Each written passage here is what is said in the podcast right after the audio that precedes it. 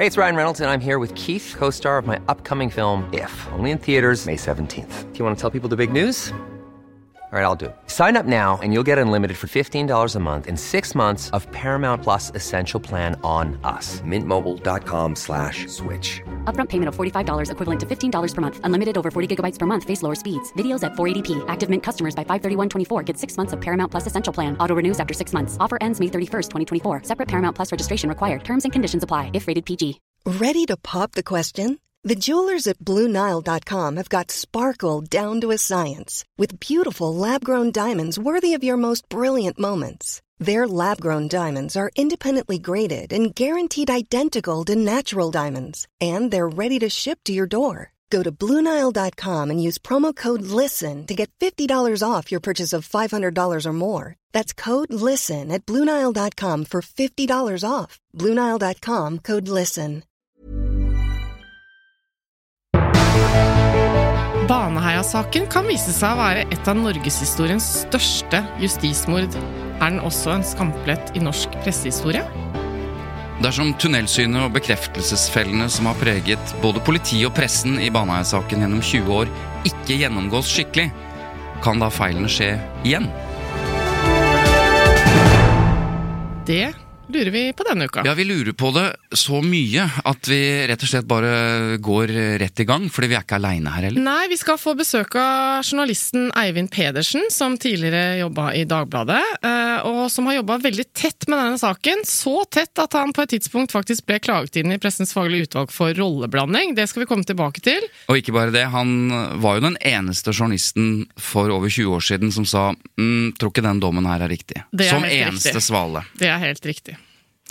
Det har jo vært overraskende stille i pressen Svein Tore, rundt innholdet i alle forsøkene på gjenopptakelse av denne Baneheia-saken, eh, helt siden den ble avgjort i 2002. Og, eh, altså, for de som trenger en påminnelse. Viggo Kristiansen ble altså dømt til 21 års forvaring, uten å noen gang faktisk tilstå forholdene, og Jan Helge Andersen ble dømt til 19 års fengsel for voldtekt og medvirkning til drap. Eh, Altså kun det ene drapet. Og så, ble, og så er det detaljer her som vi skal komme tilbake til i denne dommen. For det er jo flere rettsinstanser og sånn. Det har ikke jeg helt koll på. Det har sikkert du og gjesten vår etter hvert. Ja, Det er mye å holde styr på i den saken her, for det har jo blitt gjort veldig mye siden, siden dommen falt også. Fire forsøk på gjenopptakelse, faktisk. Det kommer an på hvordan man regner på det, for vi opererer også med både seks og sju forsøk på gjenopptakelse. Ja, sant, så så- det er noen fulle gjenopptakelsesbegjæringer, og så er det noen klager. Men kommisjonen har i hvert fall avgjort. Jeg tror det er sju ganger de har sagt nei. Og altså 21 år etterpå, selv om eh, etterforskningen ikke er ferdigstilt, så er det veldig mye som tilsier at Viggo Kristiansen ble dømt på feilaktig grunnlag. Ja, altså De som kjenner saken nå, øh, inkludert meg selv og gjesten som vi skal høre fra øh, Det er jo ingen nå egentlig som betviler hva som nå kommer om kort tid. Nei, jeg tar på meg rollen til å være den eh, stille de kritiske Tvilende. spørsmålene, da. Men det er egentlig ingen som tviler på at det faktisk kommer en innstilling på frifinnelse av Viggo Kristiansen. Nei. Og i tillegg så er det da nye DNA-bevis som knytter Jan Helge Andersen til begge ofrene. Eh, og han er vel nå siktet eh, for eh, drapet som han tidligere ble frikjent for, sant? Riktig. Så det store spørsmålet i den saken, altså vi må skille mellom Viggo Kristiansens sak og eventuell ny sak mot Jan Helge Andersen, der knytter det seg en del spenning til hva som skjer der. Nettopp. Men først, Svein Tore. Mm. Du er jo kanskje ifølge noen nærmest å beregne som inhabil i den saken. Fordi du har jo eh, lest, skrevet og engasjert deg veldig mye i den. Eh, og så vil jeg bare si at eh, det å kunne mye om en sak gjør en jo ikke til inhabil journalist, bare så det er sagt. Ja, og bare for å, Vi har snakket mye om inhabilitet. Jeg har jo absolutt ingen bindinger i den saken. Nei. Ikke sant? Og habilitet regnes jo ofte ut fra liksom, hvem er det du Har du noe interesse av denne saken? Har du noen bindinger i saken? Jeg har aldri hatt det. Aldri hatt bindinger eller interesser utover at jeg syns at denne saken bør gjenopptas. Og aldri konkludert, konkludert med skyld før noe i det siste. Da har jeg på en måte hoppet over eh, måte, eventualitetene og, vil og si jeg falt må- ned på det at eh, deg jeg, jeg tror han er eh, Eller jeg sier at han er uskyldig, da. Ja, fordi da vi prøvde oss på Clubhouse, når det var en liten eh, døgnflue, Ja, husker du det? ja. Så hadde vi en sånn liveprat om Baneheia-saken, fordi du jo har vært med i denne podkasten som heter Baneheia, som Mm. er publisert av TV 2. Eh, og da spurte jeg deg rett ut. tror du Viggo Kristiansen er, er, er uskyldig? Mm. Da hadde du ikke sagt eller skrevet det, og da sa du ja. Ja, nei, Det var en glidende overgang, men da vi startet podkasten, så gikk jeg inn i med dette at eh, jeg vet ikke. Og jeg vet jo ikke når, man kan aldri vite 100% sikkert, men nå mener jeg, som Bjørn, Olav Jahr eh, sa i 2007 i Hvem boka er Bjørn Olav Jahr? Bjørn Olav Jahr har skrevet eh, to bøker om Viggo Kristiansen. Han skrev en bok om Baneheia-drapene i 2017, der han konkluderte med at Viggo Kristiansen var uskyldig.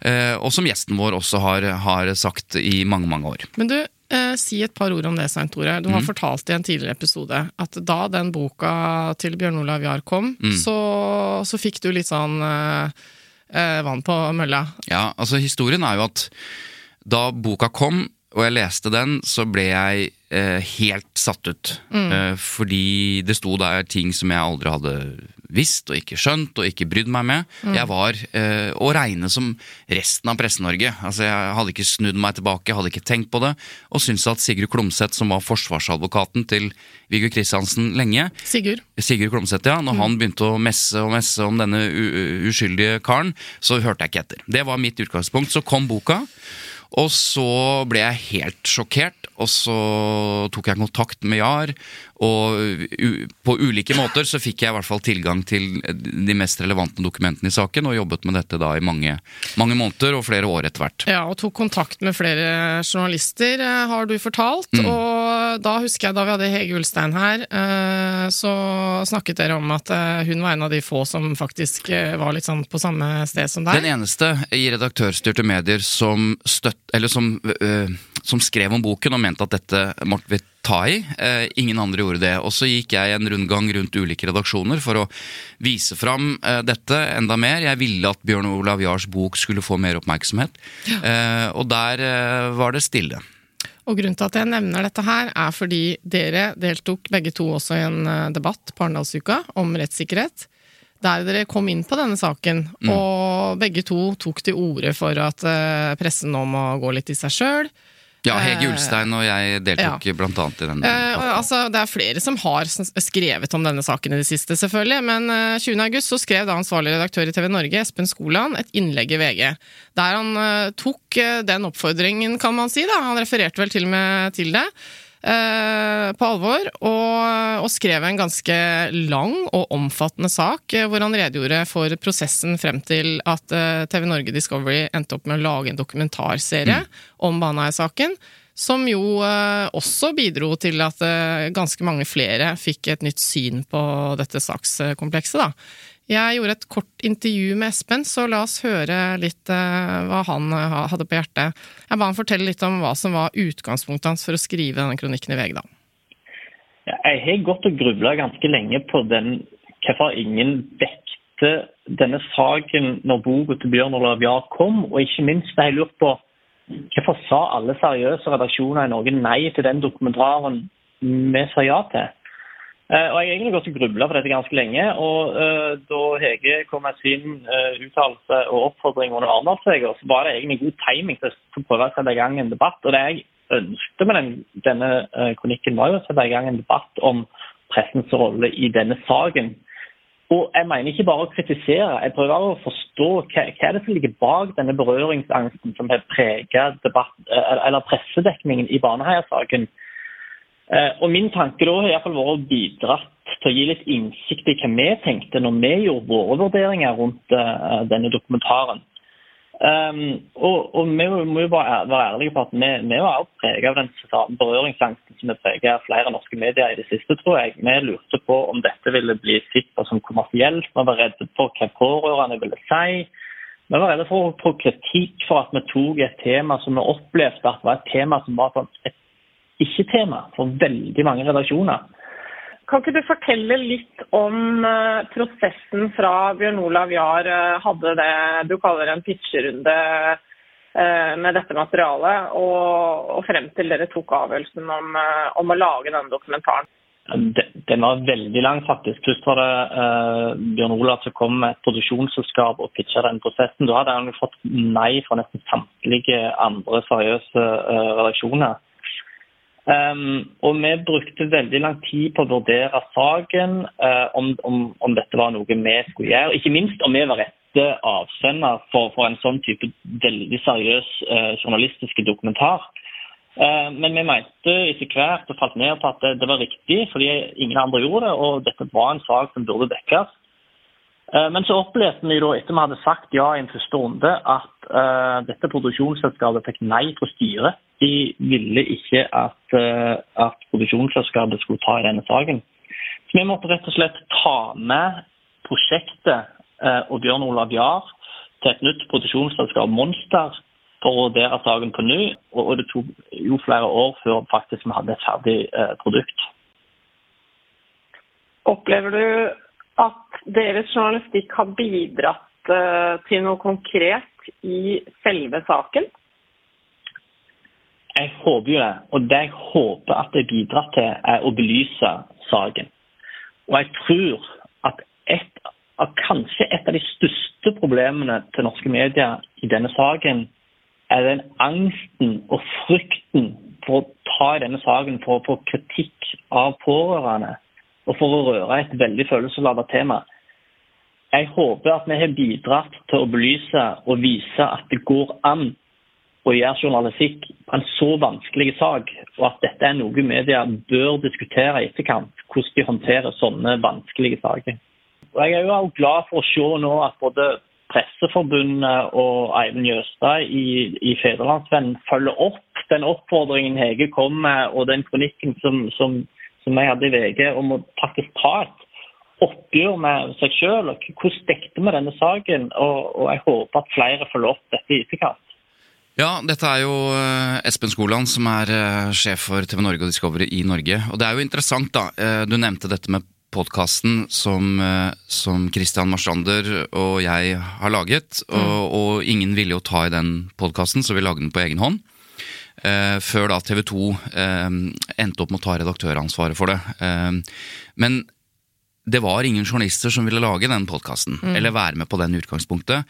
Og Espen Skoland er jo ansvarlig redaktør i en TV-kanal som bare driver med underholdning. Ja, Som ikke har nyhetsredaksjon. Som ikke har nyhetsredaksjon, og det var jo faktisk Espen skriver jo det i i kronikken at det at de ikke har nyhetsredaksjon, faktisk gjorde det på sett og vis enklere å ta den beslutningen. Men det er altså en, altså en TV-underholdningskanal som ender opp med å ta i kanskje en av de viktigste sakene journalistene burde tatt i. Mm. Et, og dette er, ikke, dette er, jo ikke lenge siden, men han forklarer jo godt også hvor, hvor vanskelig det var. at i at til og med produksjonsselskaper eh, ikke vil ta i det. ikke sant? Eh, mm. så ja, så um, dette syns jeg er veldig interessant. Det har skjedd mye på, på disse siste fire-fem årene. Men jeg har vært nysgjerrig på hvordan det er å dekke denne saken når man sitter mye tettere på lokalmiljøet. Mm. Og uh, som Espen Skoland nevner her, Eivind Jøstad han jobber i Fedrelandsvennen, og han har også skrevet uh, en uh, kommentar denne mm. uka her. Ansvarlig redaktør i FVN. Og når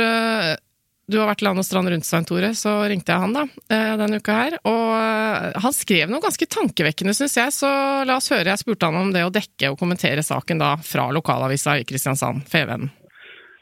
Baneheia er jo hva mange omtaler som et nasjonalt traume. Det er det jo. Det er en, det er en helt forferdelig sak. Den opptar hele landet. Eh, og når det skjedde, så var sjokket helt enormt stort her i Kristiansand. Så, så opplever jeg at nå er det nokså jeg vil si det er nokså kanskje likt. Det har, det har, gått mange år eh, man, man, forholder seg til det, men det som er spesielt for oss og i Kristiansand, er jo at her bor de pårørende til ofrene, til de dømte. Her bor politifolk som jobber med saken, etterforskere osv. Så, videre. så det gjør det spesielt. Og selvfølgelig, det var her det skjedde. Så Baneheia-saken er jo et, eh, et sår eh, i Kristiansand. Eh, som kanskje aldri vil gro. da. Redaktøren i Discovery, Espen Skoland, kaller saken eh, når han skriver i VG, en skamplett eh, i norsk pressehistorie. Hvordan vil du beskrive pressens rolle gjennom alle disse årene i dekningen av Baneheia-saken? Nå har jeg vært opptatt av å prøve å liksom ikke ta alle oppgjørene før vi har alle svarene òg, da. Fordi mange er jo veldig ivrige i å mene ting i denne saken. Og det har vært mye skråsikkerhet som har prega saken. Og, eller diskusjonen. Vi, vi, spekulerer jo egentlig fortsatt, selv om vi nå er ganske sikre på hva som kommer til å skje når det gjelder sak til Viggo Kristiansen. Så når det gjelder mediekritikk, så er jo det jo helt naturlig at det kommer eh, i kjølvannet av denne saken. Eh, opplever at den har egentlig pågått ganske lenge. Eh, noen har vært veldig ivrige på, på, det lenge før man har eh, visst noe om noen konklusjoner. Men kan også si at er grunn til å grave i den saken uavhengig av, av hva som skjedde. Men det er jo først etter at saken faktisk ble gjennomtatt, så har mediene brukt mye ressurser på dette. Og så er det veldig lett å si i dag, med det vi vet nå, at vi burde brukt mer ressurser på det tidligere. Og det jeg skrev nå, er jo særlig da altså rundt uh, 2010, uh, den perioden der hvor det, de første uh, gjenopptakelsesbegjæringene kom. Uh, sett i ettertid så mener jeg det var feil at vi i FVN da ikke satte ned et, et team Eh, som egentlig bare fikk beskjed om å sette inn i saken, se på den på nytt. Det gjorde ikke vi gjorde ingen andre med det heller, og det er veldig lett i dag å si det burde vi ha gjort. Ja, det var Eivind Jøstad. Mm. Kan jeg bare få lov til å si en ting? Det er to ting jeg må bare si, fordi eh, nå høres det ut som Du må ikke si noe som ikke noen kan forsvare seg mot, da. Nei, men det poeng... står nemlig ved varselplakaten at du ikke kan drive med sånt. Ja, eh, Poenget mitt er at eh, Eh, vi snakker om pressens unnlatelse nå, da, ikke sant, og, og, og eventuelt unnlatelsessynd osv. Så, videre. så skal det sies at de siste årene mm. så har det jo vært journalister som har vært veldig, veldig på.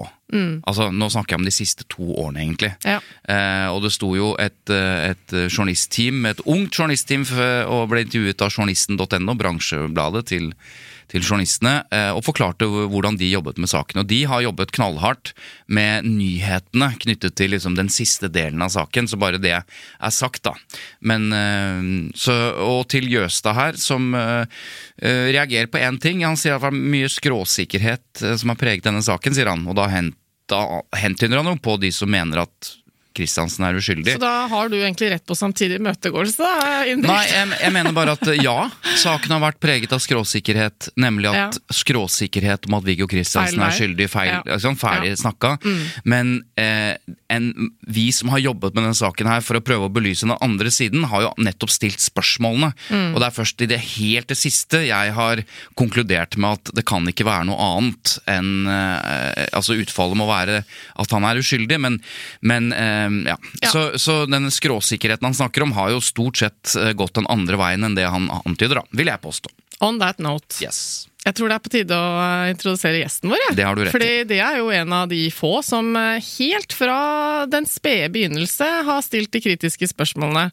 Han har jo vært, ifølge mange, en slags mentor for Christiansens forsvarerteam siden advokat Sigurd Klomsæt i april 2020 åtte ringte han og fortalte at Christiansen hadde bedt om bistand. Men mens saken pågikk for over 20 år siden, så jobba Pedersen eh, med den kun som journalist. Han var Dagbladets mann i Kristiansand, fulgte saken eh, fra jentene først ble meldt savna i turområdet i Baneheia i mai 2000, var det vel? Mm. Og til dommen mot Kristiansen og Jan Helge Andersen eh, eh, lå klar i 2002. Og siden det har han faktisk jobba med denne saken i perioder, men mest utenfor den ordinære jobben som journalist. Da. Og i 2017 så tok han altså sluttpakke fra Dagbladet, og nå er han straks klar med boka I skyggen av Viggo den umulige kampen for frifinnelse. Velkommen til oss, Eivind Pedersen. Takk skal du ha. Veldig hyggelig at du er her. Jeg har lyst til å begynne med bare et sånt åpningsspørsmål Eh, det har gått 20 år. Du har jobbet med saken fra starten av til nå. Nå er det august 2022. September. Det er faktisk september. Eh, Djevelen bor i detaljene, denne saken lærte meg. Okay. Nå er det september 2022. Hvordan er det å, å være Eivind Pedersen i dag i 2022 med dette som bakteppe? Det er veldig spesielt. Fordi at uh, det har vært en, en, en, en forferdelig lang og seig kamp. Mm. For egentlig selvfølgeligheter. Altså, Baneheia-saken skulle jo ikke ha skjedd. Den skulle ikke kunne ha skjedd. Altså, jeg, jeg, sier den dag i dag at Viggo Kristiansen Jeg erklærer ikke han uskyldig. Men som jeg har sagt hele tida, Det er ikke ført bevis for hans skyld. Nei. Og da skal han heller ikke dømmes. Og når noen nå etter hvert klarer, forhåpentligvis, å bevise at bevisene ikke var der, så føler jeg det at da begynner jeg å føle at vi er inne i en trygg havn. Men Eivind, fortell litt om det arbeidet du holdt på med mens saken pågikk, altså mens etterforskningen pågikk. Så selv da eh, drev jo du med en del eh, journalistisk etterforskningsarbeid, vil jeg vel kanskje kalle det? Det som jeg alltid har sagt, er at den som står og føler seg til rette i, i, i det jeg kaller for saueflokken Altså, pressefolk er jo flokkdyr. Det kan jeg bekrefte. Ja. Ja. Og, og eh, jeg, jeg sier saueflokk og ikke flokk mikrofonstativer. Som det har utvikla seg til etter hvert. Så har du sånne enkelte raringer som meg, som syns det at det er greit å kikke seg litt rundt. Se tingene litt på skrå. Eh, gjerne finne noe som ingen andre kanskje er eh, i stand til noen ganger å, å oppdage. Så jeg pleier å si det at står jeg sammen med alle andre, så får jeg i beste fall den beste felleshistorien. Men hvis jeg går ut på egen hånd, så får jeg min egen historie. Og det var jo det som skjedde under Baneheia òg. Altså, det begynte jo Det er jo ikke rart det at Baneheia kom skeivt ut. Altså, vi, vi var jo i en unntakstilstand. Altså, Baneheia-saken var jo så eh, grotesk og brutal og alt mulig sånn, og opplysningene som tilfløt oss i pressen, var jo så silt og ensrettet at vi hadde jo ikke mulighet i det hele tatt til å gå ut og drive egen eh, journalistisk etterforskning. Ja, Silt av politiet, for opplysningene kom fra politiet. Opplysningene kom fra politiet. Det var så potte tett at selv ikke Oslo-journalistene med sine Kripos-kontakter klarte å få ut et pip.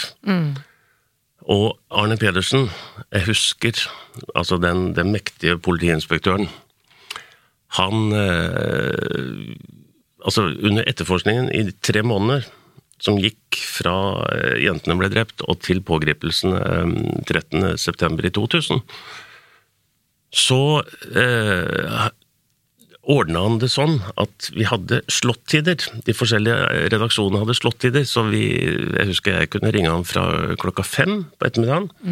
Og så hadde jeg da eh, mumlet med han i en halv time. Han sa jo aldri noe. Han bare prøvde å melke det han kunne fra oss som var ute og, og jobba på, på det samme feltet som etterforskerne. Men altså, vi, vi fikk jo ingen verdens ting av han, annet enn de små bitene som man enda det for. Og, og, og eh, etter pågripelsene så um, ble det jo enda verre, for jeg husker veldig godt at um, jeg hadde en historie eh, som gikk på at um, at, at eh, jentene hadde blitt lokka opp i heia av en historie om noen kattunger som de skulle hjelpe til å finne. Og når den kattungehistorien kom ut, så klikka det jo fullstendig for Pedersen. Altså, da, da, da innførte han et nazistyre på kammerset. Og da var det sånn at eh, all informasjon gjennom én munn, min munn. Og hele det halvåret som da gikk inntil tiltalespørsmålet var avklart, og frem mot eh, rettssaken som da starta i midten av april i 2001, så var det så det, det, Altså, vi fikk omtrent ikke opplysninger i det hele tatt. Så dette er en fortelling om, om hvordan pressen er prisgitt, selvfølgelig de opplysningene man får. Eh, Det er lett eh, mange år etterpå å kritisere pressen, selvfølgelig, eh, for dårlig dekning, manglende kritiske spørsmål, men det er vanskelige arbeidsforhold, og vi er alle preget av denne saken. Men du, i motsetning til en del andre, så begynner du å gjøre dine egne undersøkelser, og du det, som ble kalt mobilbeviset, eh, da det ble lagt fram i retten, altså nå etter etterforskningen, og nå, nå, nå kommer dette fram i, i retten, så gjorde du egne undersøkelser i Baneheia, og du endte opp med å skrive artikkelen 'Hadde ikke tid til drap', sto det i Dagbladet. Stemmer det. Fortell bare kort om, om bakgrunnen for det. Nei, altså inntil eh, dekningsdirektør Bjørn Amundsen i det som den gangen het Telenor Mobil, eh, plutselig sto i, i vitneboksen, så hadde jo jeg vært en av de Jeg har vært like god i hylekoret som alle andre journalister. Jeg var med på å, å tegne dette fæle bildet av, av Viggo Kristiansen som initiativtaker, mm. og Du og også gjorde det. Å ja, jeg, jeg var en av de verste. Å hellen du sann. Jeg hadde, og jeg hadde, jeg hadde Altså, helt ifra sommeren, eller faktisk fra lørdagen før jentene ble funnet, så hadde jeg en utrolig tett og god kontakt med det ene foreldreparet. Som da skulle vise seg eh, i ettertid å bli en av Norges eh, mest betydningsfulle og innflytelsesrike kvinner, Ada Sofie Austegard. Og hennes eh, samboer Hans Christian Brekke hadde jeg veldig tett og god kontakt med, helt ifra leteaksjonen. Og jeg fulgte hele den prosessen der sånn, gjennom etableringen av Stine Sofie-stiftelsen. Og eh, utover vinteren, jeg var til og med en av de som ga de råd om hvordan de kunne opptre eh, og ta eh, forholdsregler overfor pressens dekning av saken. En liten dobbeltrolle der, Eivind. Ja, jeg hadde dobbeltrolle, men jeg, jeg, jeg kom åpenbart for tett på de. Men slik saken lå an, så lå dette an til å bli en juridisk walkover. Altså, altså det, det var jo ikke spennende i det hele tatt. Det var ikke tvil. Nei, nei, nei, nei. Og hvorfor skulle da de pårørende eh, måtte tåle å få bretta ut hele denne ferdige historien? Og derfor så gikk jeg inn, og sett i ettertid så skulle jeg ikke ha gjort det, men jeg gikk inn og, og, og ga dem noen råd om hvordan de kunne beskytte seg selv. Men så står dekningsdirektøren i retten og sier noe som eh, overrasker de aller fleste, nemlig at veldig, veldig kort fortalt, eh, den telefonen som Viggo Kristiansen eide, kan ikke ha vært på åstedet, fordi den har vært knyttet opp til en basestasjon med meldinger ut og inn som ikke dekker åstedet. Han sier dette i retten. Ja, ja, ja, han, eh, han kom jo som ei bombe for de av oss som eh, var våkne. Og det var det ikke alle som var. For det å begynne å tenke på dekning og dekningsområder til en mobiltelefon i 2001 Det er ikke kjernekompetanseområdet til journalister. Ikke vanligvis, selv, selv ikke vi som mm, levde av å, rykke ut etter uh, trafikk på politiradioen.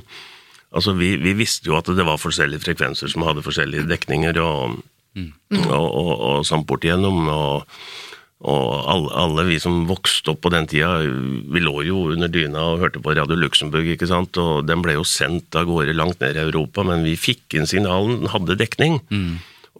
Så det at det var liksom Altså, dekningsområdet, det, det, det var noe veldig innfløkte greier.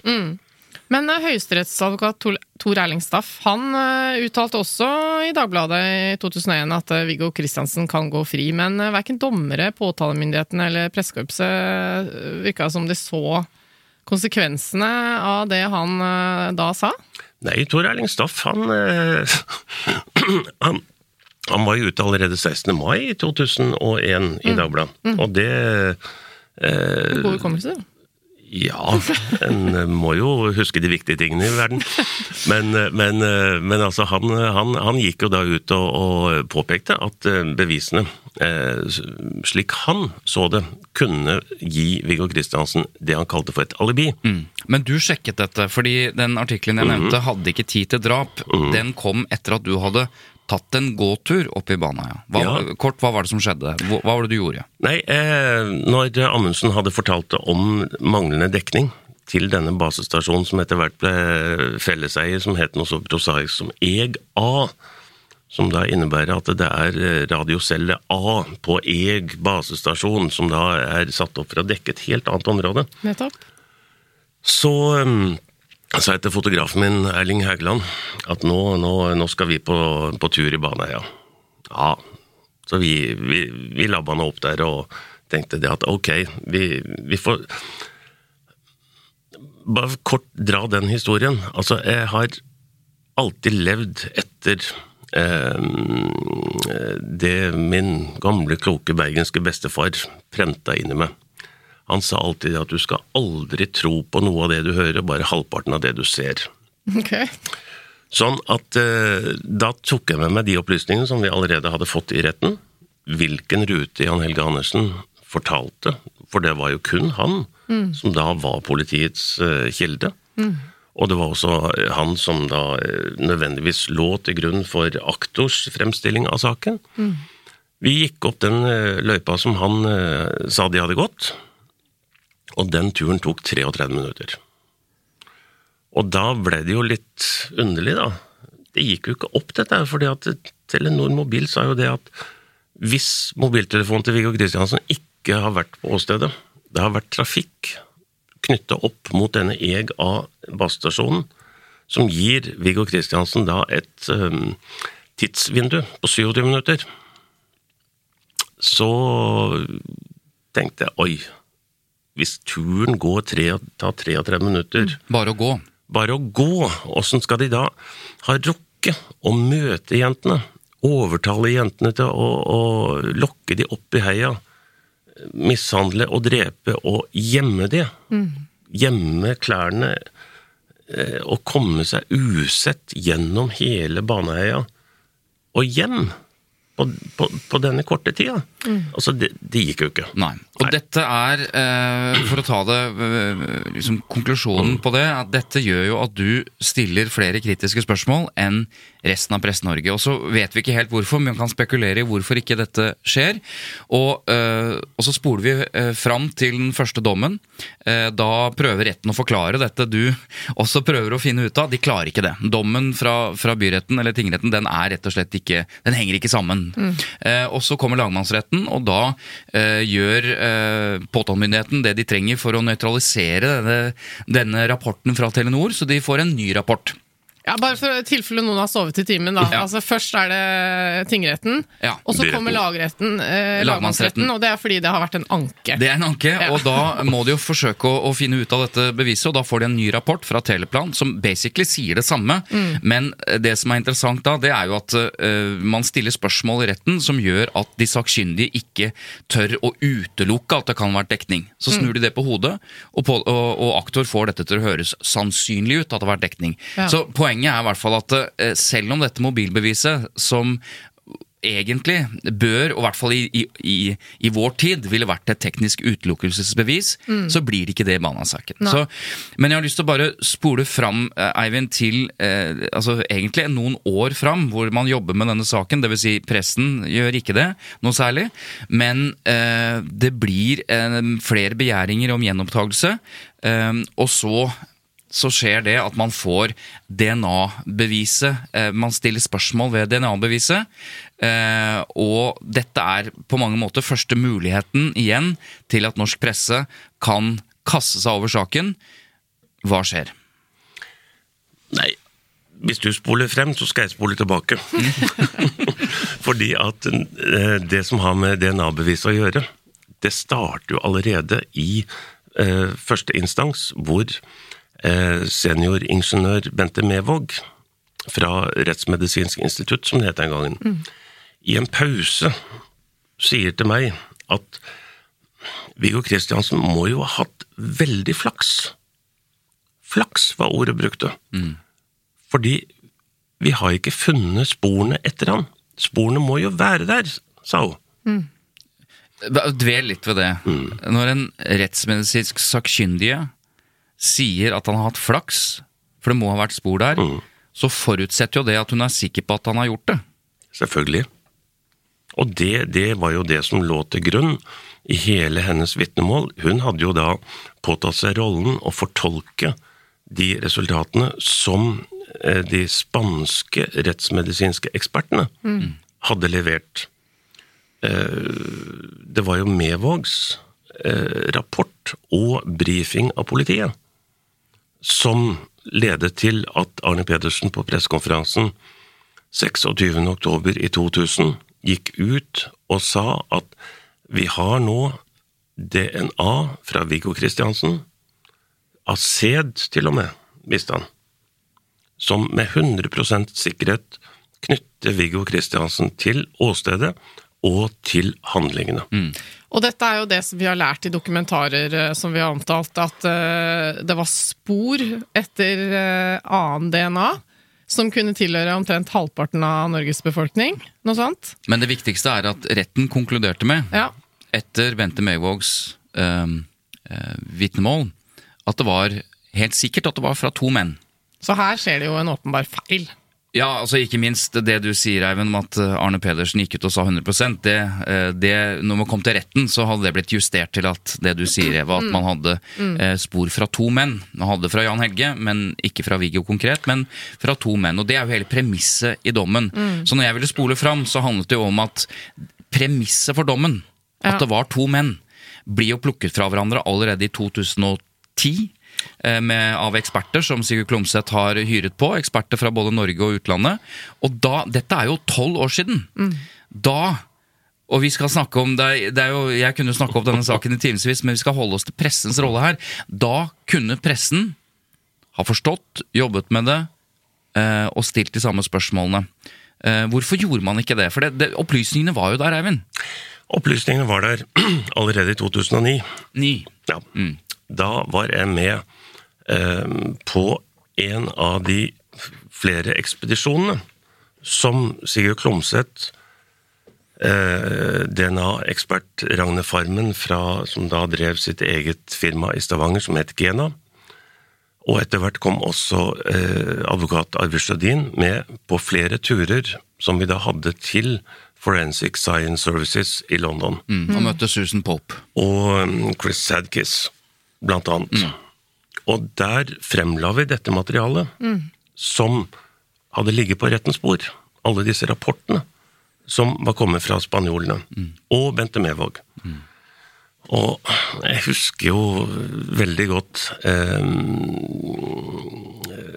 Etter at det var blitt Vi hadde forsøkt å forklare dette, det var jo Ragne Farmen som stort sett førte ordet, for hun, hun visste jo hva DNA var. Det visste jo snart. En av. Norges fremste eksperter. Absolutt ene innehaver av Norges i sin tid eneste ISO-godkjente laboratorium. DNA-laboratorium. Eh, og da husker jeg at Susan Pope hun ble litt sinna på meg litt senere fordi at jeg eh, refererte til hva som da skjedde. Men hun brøyt jo ut i latter og lurte på er dette alt de har. It's next to nothing, sier hun. Altså, vi hadde aldri, sa hun, fått lov til å fremlegge et så svakt og elendig DNA-resultat i en britisk rett. Fordi at dette, dette er ikke ting vi rapporterer. Det er så eh, borti hampen dårlig, altså. Og da, da skjønte jo til og med jeg at her står vi overfor et DNA-resultat som umulig kan ha hatt den betydningen som lagmann Asbjørn Næss Hansen påla juryen i Agder lagmannsrett i Arendal i februar 2002 å følge. Og det var nemlig det at vi kan legge, det, legge til grunn at det som sikkert beviste han, at her er funnet DNA fra to menn. Han var nynorskmann, denne karen. Og hvis den andre ikke er Viggo Kristiansen, hvem er det da? Og det er grunnen til at de ble dømt, altså basically. Ja. Eh, og så skal vi legge til, eh, for ordens skyld, at en av de sterkeste eh, tilleggsbevisene, eh, i tillegg til DNA fra to menn, Jan Helge Andersens forklaring, så var det selvfølgelig Viggo Kristiansens mo som moduskandidat, fordi han innrømte i retten at han hadde forgrepet seg eh, på en jente tidligere. Bare så vi har lagt til det. Så det, jeg har jo sagt tidligere at det er ikke så vanskelig å forstå at de ble dømt, selv om Telenor hadde kommet med den rapporten, som vi ikke forsto da. Eh, Men, men det er nå saken. Men Ja. jeg bare vil holde stålkontroll på uh, hva pressen kunne ha fått tak i, skrevet om, visst allerede i 2009. For vi er 13 år seinere. sånn at vi, Ja. Og det er det jeg lurer på. Hvorfor, Eivind, hvorfor ikke eh, pressen skrev om dette og begynte å jobbe med Baneheia-saken på det tidspunktet? Kan jeg bare skyte inn en, Ja. ting? Fordi Da Norsk Journalistlag i 2010 gjorde en sånn oppfølgerundersøkelse om ettervirkninger av å jobbe med Baneheia-saken, så inneholdt undersøkelsen også spørsmålet mener du at dommen var rett. Og av 27 som svarte, så svarte 20 ja, fire svarte ingen mening, to svarte usikker, og én, og vi kan vel avsløre nå hvem det var, svarte nei. Ja, du bryr deg ikke noe noe, noe, noe, Det er ikke noe noe, he- headline her. kildeproblematikk her, altså. nei. Ja, og det er riktig påpekning, men, men, Men kan var du aleine? Ja, jeg møtte i hvert fall ingen andre på min vei som hadde samme syn. Men, men jeg, jeg forstår ikke. altså Jeg har jobbet i pressen i mange mange år, og vi er jo ikke helt tjukke i huet hele gjengen. Så jeg lurer på 2009, når DNA-beviset basically blir nøytralisert av verdens fremste eksperter. Jeg hørte ikke noe om det, jeg husker ikke. Men det ble omtalt. altså 2009 eh, og begjæringen og, og, og, og kommisjonen får jo de samme opplysningene. Ikke sant? Det skjer ingenting. Eh, Men vi skal la kommisjonen ligge foreløpig. Hvorfor, hvorfor blir det ikke mer nyheter om dette i pressen? Nei, men da må du, da må du ta um, høyde for å huske. Hva var situasjonen i 2009-2010? Altså, da var vi inne i altså i Baneheia-sammenheng så var vi inne i det man kan kalle for en journalistisk istid. Altså, vi, vi Det var jo ingen som rørte i saken. Ingen tenkte på saken. Den var jo ferdig. Altså, Viggo Kristiansen var putta inn og og Heldigvis, tenkte jo mange Norges. Ja, største ja. monster. ja, ja, ja, ja, ja. Så det at det, alle var jo glad for det at den nøkkelen sikkert lå i en safe. Så det, det var liksom helt utenkelig at det var noen som i det hele tatt skulle jobbe med dette her. Og jeg var jo til stede på det som eh, ble kalt Sommerkonferansen i regi av Agder Journalistlag og eh, Rogaland Journalistlag, var det vel òg.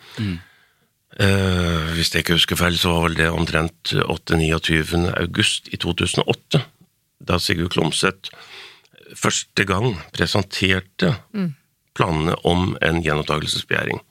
Han ble jo ledd nord og ned av hele forsamlingen, og det skjønner jeg delvis fordi at han oppførte seg Altså, jeg skal gi, altså Mora til Jan Helge Andersen satt i, i, i salen, og hun tok ordet og, og, og kalte Sigurd Klomsæt for en klovn. Og det var det han var. Altså, han, han, han, han, han, han skjemte seg ut. Altså, han sto der og nynna Bjørn Afselius-sanger og øh, prøvde å nynne med på denne sangen som han har som heter Tvivlaren. Og, og spesielt når man liter inntil på journalister nå, når han kom til det, så ja, altså, du, du gjør ikke sånn i Løvens hule. Og dette er jo, og og jeg har forsøkt å, å skrive eh, om- dette og Sigurd Klomsæt sin rolle knyttet til journalistene, og jeg tror det ligger en veldig viktig forklaring der. Ja. Det er to hovedforklaringer eh, til at pressen, eller tre da, det var, en, var ingen som ville ta i saken. Det var hensynet til det pårørende, åpenbart, og den nærheten veldig mange journalister fikk til pårørende, eh, deg inkludert i starten, eh, og ikke minst advokaten, altså Sigurd Klomsæt, som er jo en karakter i norsk eh, offentlighet. Han har blitt fratatt bevilgningen. Han, han drev et type show som gjorde det enda vanskeligere, eller i hvert fall helt unødvendig, tenkte mange journalister, tror jeg, å gå inn i denne saken, for det, det han driver med, det er, det er et show. Hva er, han, hva er det han holder på med? Jeg husker selv jeg ble bare ja. Men du, på den tida her, eh, rundt den første gjenopptakelsesbegjæringen, så intervjua du Viggos familie, Viggo selv i fengsel osv. Og, så videre. og etter Ja, ja. hvert, så, som jeg nevnte innledningsvis, så ble jo du også klaget inn av eh, Ada Sofie Austegård, altså Stine Sofies mor, til Pressens faglige utvalg for, eh, med anklager om rolleblanding. Da, altså dette med journalist kontra aktivist, hvis man kan kalle det det. Eh, Du gikk jo fri eh, i PFU, men eh, hva vil du si om eh, den opplevelsen? Det var, en, det var en veldig spesiell opplevelse, fordi at eh, jeg opplevde ikke det at jeg hadde tråkka over. Altså, det er mange måter å, å, å være journalist, men jeg tror det at eh, Nå skal jeg ikke gå i detalj om akkurat hva som skjedde. Det, det kommer det en veldig fyldig og spennende beskrivelse av. I bo- Sneak peek eh, Ja, boka? I boka di, ja. Okay. Det er greit. Så Men- en liten detalj, da. Ja, nei, men altså, altså, altså Måten som jeg jobba på, sett i ettertid, tror jeg at både Presse-Norge og Rettssikkerhets-Norge og alle skal være glad for. Fordi jeg tror det at hadde ikke jeg jobba på den måten som jeg gjorde, så tror jeg det at Viggo Kristiansen hadde sittet trygt forvart på Ila i overskuelig fremtid. Da hadde ikke denne saken her fått den oppklaringen som den etter hvert fikk. Fordi at i det arbeidet som jeg da øh, var inne på den gangen, så fikk jeg da tilgang til opplysninger som gjorde at jeg så konturene av en sak som ikke kunne være riktig. Altså, bevisene kom etter hvert på bordet. Og den som da eh, kunne eh, vurdere disse bevisene som jeg da etter hvert fikk tilgang til i form av saksdokumenter,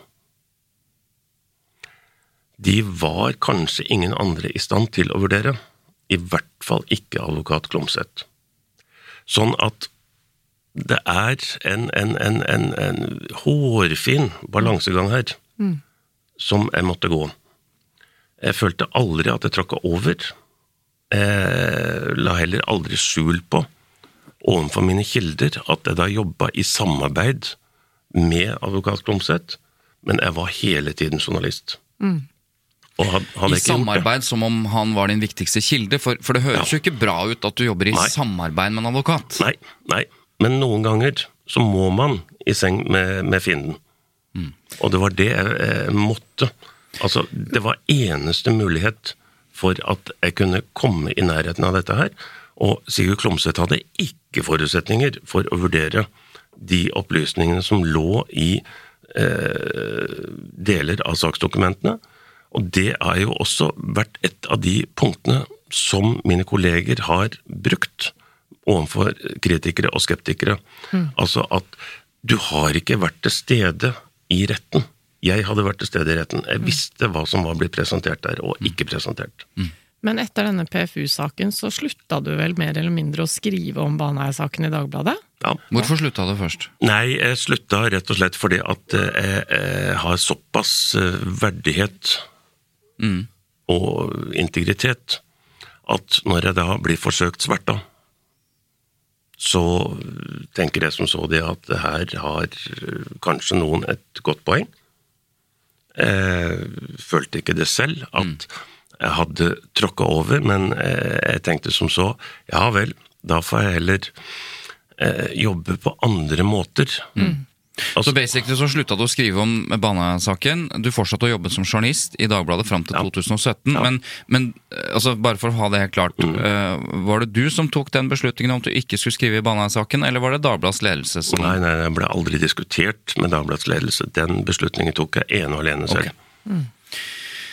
Ok, vi eh, nærmer oss slutten på, på denne historien, men det at boka til Bjørn Olav Jahr eh, kom i 2017, eh, har jo veldig mange pekt på som et vendepunkt for oppmerksomheten.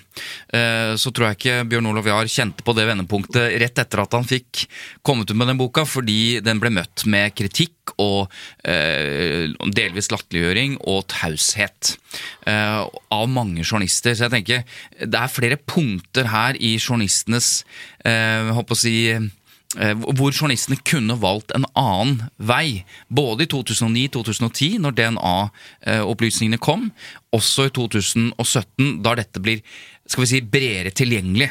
Og det var da bare Hege Ulstein fra Presse-Norge som egentlig anerkjente den boka. Eh, og det er også noe som eh, vi må se på nå. Altså, hvorfor, ble, hvor, hvorfor skjedde det ingenting etter at den Ja, boka kom? og det er en ting jeg syns vi må innom, eh, og det er jo det som alle skjønner at må ha vært vanskelig. fordi da denne boka kom eh, i 2017, så hadde jo blant annet eh, NRK en sak med de pårørendes re- reaksjoner til denne boka. Eh, Og faren til Lena, Arne Bernt Paulsen, sa vel da til NRK at det var veldig slitsomt for de pårørende, at eh, saken eh, stadig vekk rippes opp i osv. Og, så og det er jo veldig menneskelig forståelig, ikke sant? Det vil jeg jo tro at det er for en journalist også. Og faren til Stine Sofie, Jostein Sør... Strønen. Strønen. Ønsket ikke å kommentere boka i det hele tatt. Kan ikke du bare si litt om den følelsen når man da er, ripper opp, som de eh, sa, da, i saken eh, som de driver og jobber sikkert gjennom år eh, for å liksom, få en closure på? Jeg tror jeg skal si litt grann breiere om akkurat det der. Fordi at etter at vi da kom, eller at jeg da gikk ut av den aktive journalistrollen, så slapp jo ikke denne saken her sånn, fordi at jeg hadde jo los på det jeg mente var en, en himla rettsskandale. Nå er vi i 2017. Nå, nei, nå er vi i 2010 og utover. Oh, ja, ok. Ja. Ja, du ser aktive journalistrollen knyttet til denne saken. Ja. Ja. Ja, nei da. Eh, og, det, og, og, og, og det som var problemet, var jo det at det skjedde jo ingenting. Det var ingen som ville ta i dette her. Og det var jo hovedsakelig av to grunner. Det, det ene har du vært inne på, det at advokat Klomsæt var en fyr som hadde et veldig dårlig rykte i alle redaksjoner. Det andre var jo at uh, Gjenopptakelseskommisjonen 17.6 i 2010 konkluderte med det at uh, den begjæringen som da etter hvert kom til behandling, den inneholdt ikke noe nytt, sa kommisjonen. Og det la jo føringer og premisser for alle de senere gjenopptakelsesbegjæringene som kom. Altså, alle, alle, alle sov jo og sa bare det at ok, dette har vært til behandling. Retten har sagt sitt gjennom to eh, avgjørelser. Kommisjonen har sagt sitt etter hvert én gang, to ganger, tre ganger. og Ja, For mange av oss ble det en bekreftelse på at Ja, ja, ja, var som det skulle være. at det var ingenting nytt. Men det som skjedde, var det at alle disse nye momentene, altså forsterkning av foreliggende opplysninger og nye opplysninger, de ble sendt til kommisjonen, som oppførte seg som et postmottak. Jeg vet ikke engang om mange av disse øh, medlemmene i Gjenopptakelseskommisjonen i det hele tatt ble gjort kjent med mye av dette som ble sendt inn, eller stoppa det i sekretariatet. Ja, det har vært litt lite journalistikk på prosessene i gjenopptakelseskommisjonen. Ja, eller ikke det? ingen, er vel Nei. mer presist. Nei, og- Ingen journalistikk. Nei, det er jo rart. Ja, og Gjenopptakelseskommisjonen har jo Altså, når denne saken her sånn er ferdig, så kommer ikke den til å overleve. Den, den, den kan ikke overleve Baneheia-saken. Og det vi da Det er ganske sterkt eh, at du sier det. At du Ja, mener den- at, at kommisjonen at Kommisjonen for gjenopptakelse av straffesaker ikke overlever Nei. evalueringen av og, og, og grunnen til at jeg sier det, er det at Baneheia-saken viser at kommisjonen har e egentlig vært Baneheia-sakens største fiende.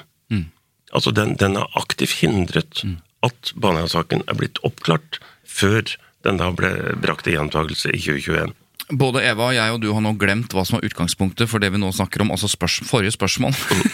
Hva forrige spørsmål havnet om da boka kom i 2017, stillheten som kom. Eva sier at hensyn til de pårørende Det er naturlig at også journalister hensyntar de pårørende, eh, og hvorvidt det var grunn til stillheten rundt Bjørn Olav Viars bok igjen. Så kan du si litt om liksom, opp til det? For det, som du sier, det var helt stille, Ja, var- også etter at Bjørn Olav kom Ja, ja, ja, boka. det var, det, var, det var stille i alle disse årene her sånn.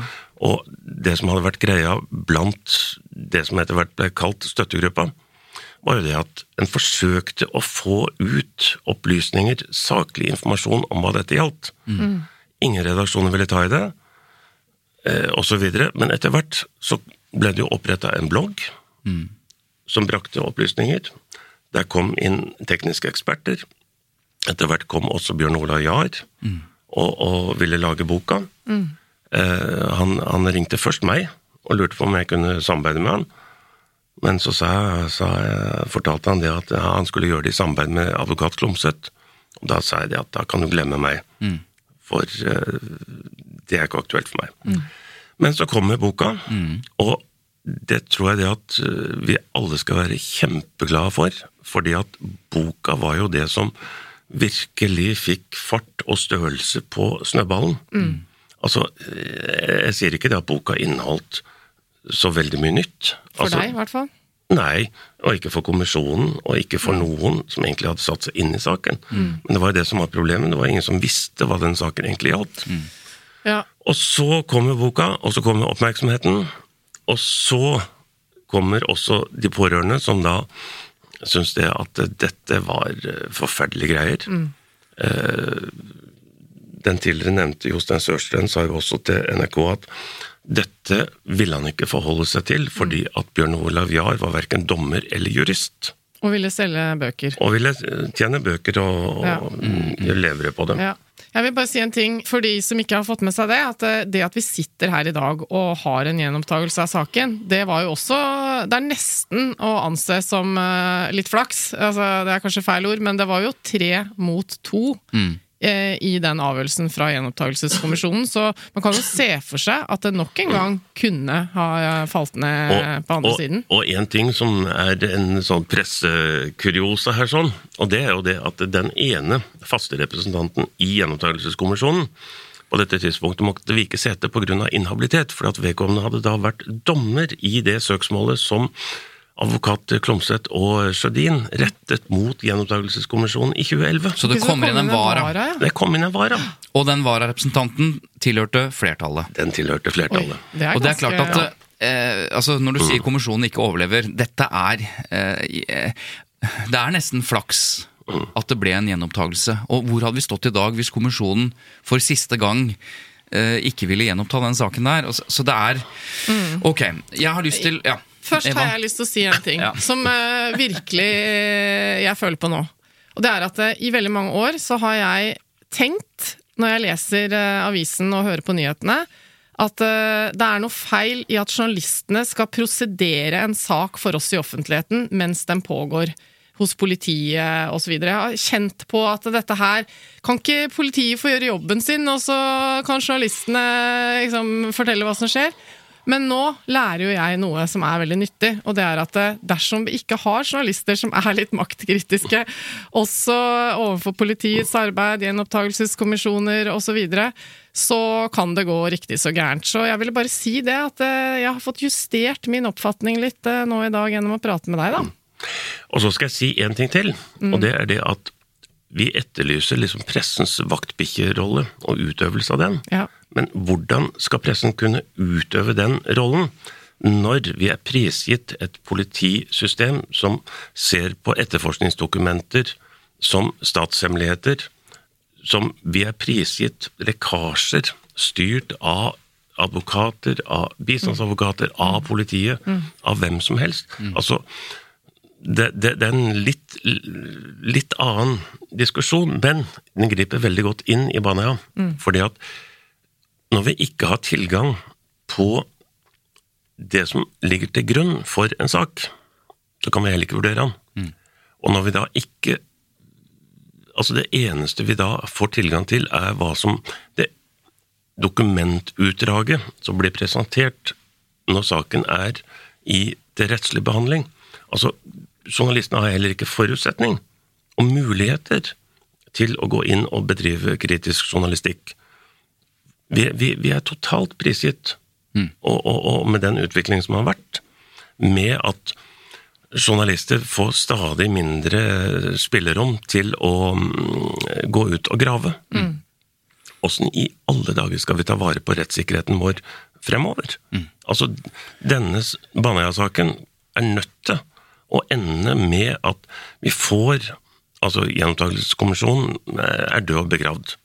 Vi må få inn et jeg, jeg, jeg har ikke noen ferdig løsning, men vi må få inn et nytt gjenopptagelsesinstitutt som ikke er tufta på den fallerte modellen til gjenopptakelseskommisjonen, og den må også inkludere personer fra andre lag i befolkningen. Det heter seg at når du skal dømmes, så skal du dømmes av likemenn.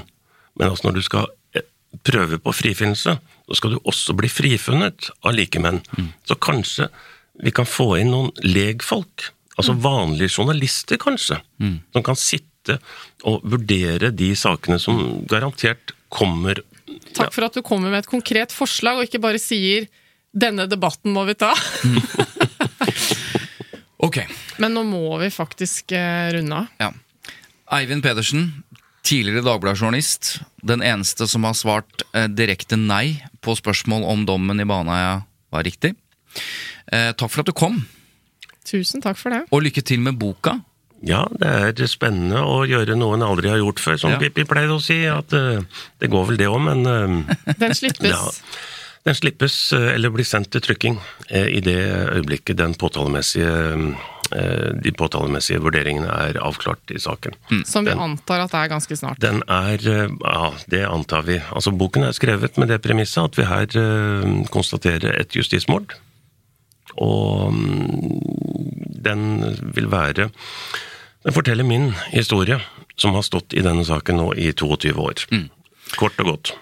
Og nå den går fra statsadvokaten til Riksadvokaten, altså det alle tror er en frifinnelse, så venter ikke du på Riksadvokaten, for da vet du at det betyr frifinnelse når den, kommer, når den går fra statsadvokaten. Ja, det, den, eh, den eh, oddsen der tror jeg er så liten at, at eh, det er ingen som vedder imot, i hvert fall. Du Eivind, du sitter her nå med noe som ser ut som en tåre nedover det ene øyet. Er det en tåre, eller er det bare øyet ditt som renner? Fordi dette må jo være litt emosjonelt for Det er en, det er en, det er en Altså når vi skal oppsummere så mange års Jeg skal ikke si kamp i helvete, men eh, til tider så har det vært sånn altså at du, du, du har eh, jeg, jeg har prøvd å beskrive denne prosessen, og det nærmeste jeg kommer er rett og slett i, I tider så har det vært som å svømme motstrøms i elva, altså. Altså, du, du kommer ikke av flekken. Det har vært umuligheter som måtte forseres. Så det, det, det det er ikke en øvelse som jeg anbefaler eh, til de, til de fleste journalister, for at du skal være pokker så sterk for å klare å, å eh, bevare barnetroen, hadde jeg nær sagt. Eller mm, altså rett og slett eh, holde fokuset på horisonten, at det er dit du skal. Altså du, du, du Hadde jeg sett ned underveis, så hadde jeg risikert å snuble. Det kommer i hvert fall en, eh, en god porsjon anerkjennelse fra Tut og Mediekjør til at du har holdt ut i 22 år eh, med denne saken. Eh, Og vi ser frem til boka, og vi ser frem til avgjørelsen. Og ikke minst eh, ser vi frem til at pressen selv setter ned en, et eget utvalg eller en kommisjon for å se på pressens rolle i denne saken. Og det tror jeg vi kan si at det, det kommer nok. Det gjør nok det. Tut og Mediekjør produseres av Lyder Produksjoner. Vi er tilbake neste fredag. Eva? Det er vi, Svein Tore. Takk for at du er så flink og stiller opp hver gang vi har podkast. I like måte, Svein Tore. Og takk til alle lytterne som sender inn lyttespørsmål, som vi ikke i dag fikk tid til å gå gjennom. Men det kommer Det vil en si, vi får jo en del henvendelser eh, om Baneheia-saken, så vi har nok besvart noen Det har vi. i dag. Vi høres. Det gjør vi. Ha det bra. Ha det. Til informasjon. Daværende politiinspektør Arne Pedersen og rettsmedisinsk sakkyndig Bente Mevåg, som ble omtalt og karakterisert i denne episoden, er blitt kontaktet og forelagt uttalelsene og karakteristikkene fra gjesten vår, med mulighet for å kommentere eller svare. Såkalt samtidig imøtegåelse.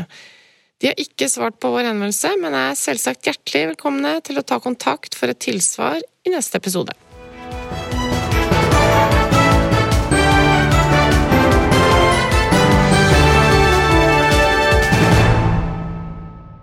Har du lyst til å høre andre podkaster fra Lyder Produksjoner?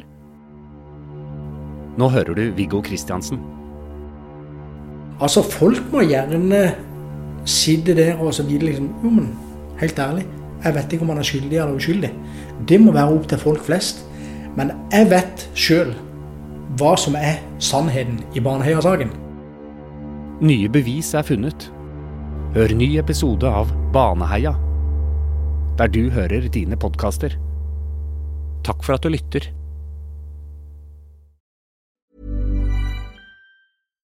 When you make decisions for your company, you look for the no brainers. And if you have a lot of mailing to do, stamps.com is the ultimate no brainer. It streamlines your processes to make your business more efficient, which makes you less busy.